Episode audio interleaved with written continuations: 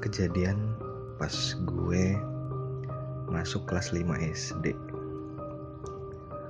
Waktu itu tiap malam Senin sampai Kamis gue dipaksa emak buat ikutan les bareng teman satu sekolah di rumahnya.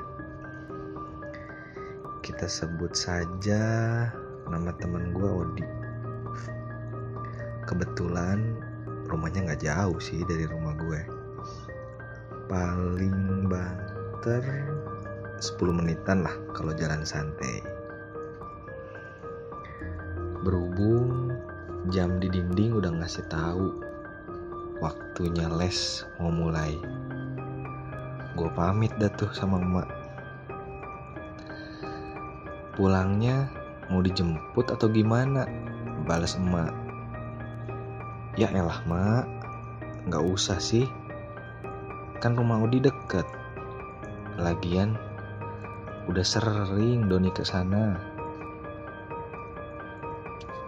Jawab mak gua, lupan beres lesnya malam. Kagak takut emangnya kalau diculik wewe gombel. Au ah, daya mak, Doni berangkat dulu gue cium tangan nyokap dan cabut ninggalin rumah. Sebelum kita lanjut, ada sedikit info nih. Jadi, jalan tercepat dari rumah gue ke rumah Odi. Mau gak mau, gue harus ngelewatin satu rumah kosong bergaya Belanda. Karena udah terbengkalai bertahun-tahun alhasil fisik rumahnya agak-agak spooky sih. Mirip di film-film horor. Cat temboknya lumutan semua kacanya pecah ada rumputan di sekitar rumah pun udah bisa dibilang kayak padang ilalang dah. Terlebih rumah itu dikelilingin banyak patung manusia yang matanya semua pada menghadap ke atas. Gimana? Udah kebayangkan asiknya itu rumah? Kembali ke kisah gue yang mau ngelewatin rumah angker itu. Pas gue lewat situ, itu mendadak ada gesekan di tengkuk gue. Sejenak gue mikir sih cuman angin. Sempet terlintas sih. Kayaknya ada yang nyentuhnya pakai jari deh. Ya udah gue biarin aja. Singkat kata gue habis les. Gue dikasih makan malam juga di rumah Odi. Setelah makan malam gue langsung pamit. Awalnya sih Odi nawarin buat nganterin gue balik. Tapi gue tolak lah. Gue berani balik sendiri. Hamparan pohon rindang ditemani lampu-lampu jalanan yang remang-remang. Itu yang nemenin gue selama perjalanan balik ke rumah. Dari kejauhan gue lihat ada sebuah rumah posisinya ada di kanan. Begitu gue lewat depan rumah itu tiba-tiba pintu pagarnya kebuka. Di situ gue lihat ada nenek-nenek. Kulitnya agak pucat sih. Rambutnya disanggul. Pakai kebayanya warna hitam dengan kain songket berwarna kuning keemasan itu membalut bagian bawah badannya. Si nenek cuman diem aja sambil senyum manis ngeliatin gue. Bukannya kabur, malah gue samperin tuh nenek. Nek, lagi ngapain sih? Jawab nenek, mau siap-siap. Gue tanya lagi, mau pergi ke mana nek? Jawab nenek, mau berjemur.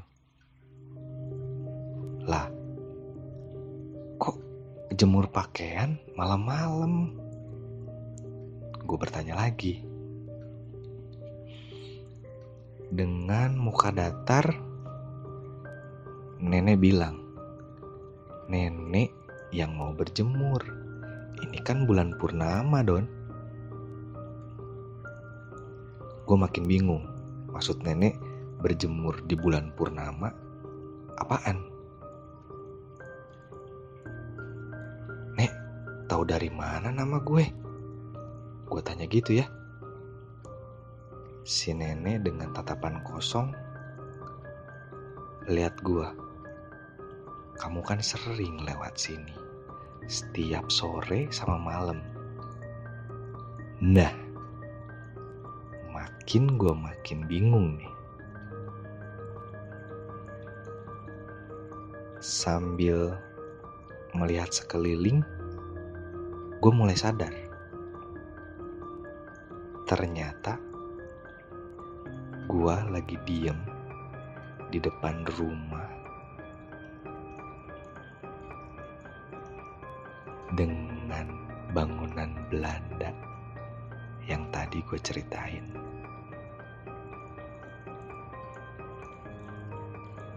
Saat gue lihat lagi,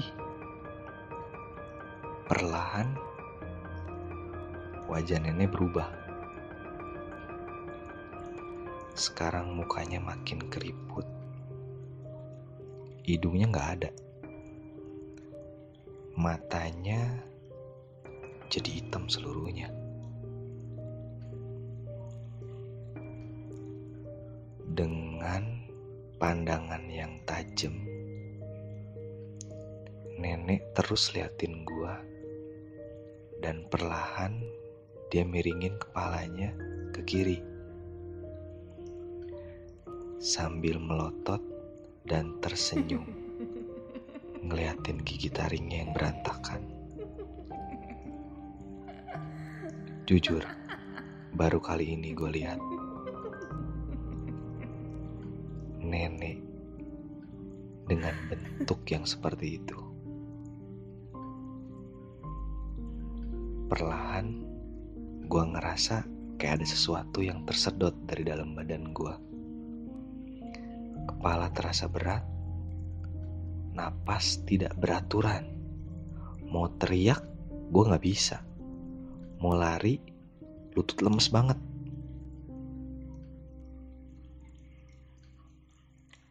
Hampir semenitan, gue cuman diem, gak bisa gerak, gak bisa ngapa-ngapain.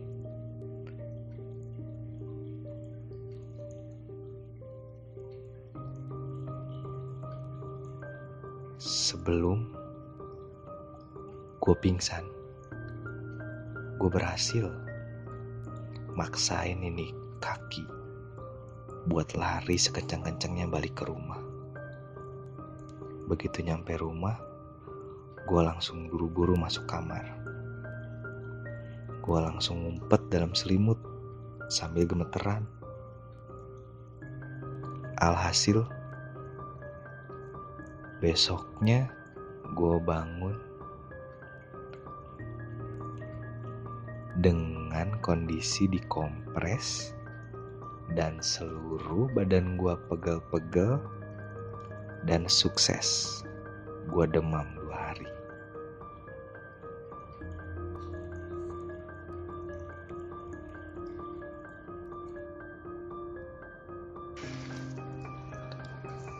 Dan saat gue rekam cerita ini,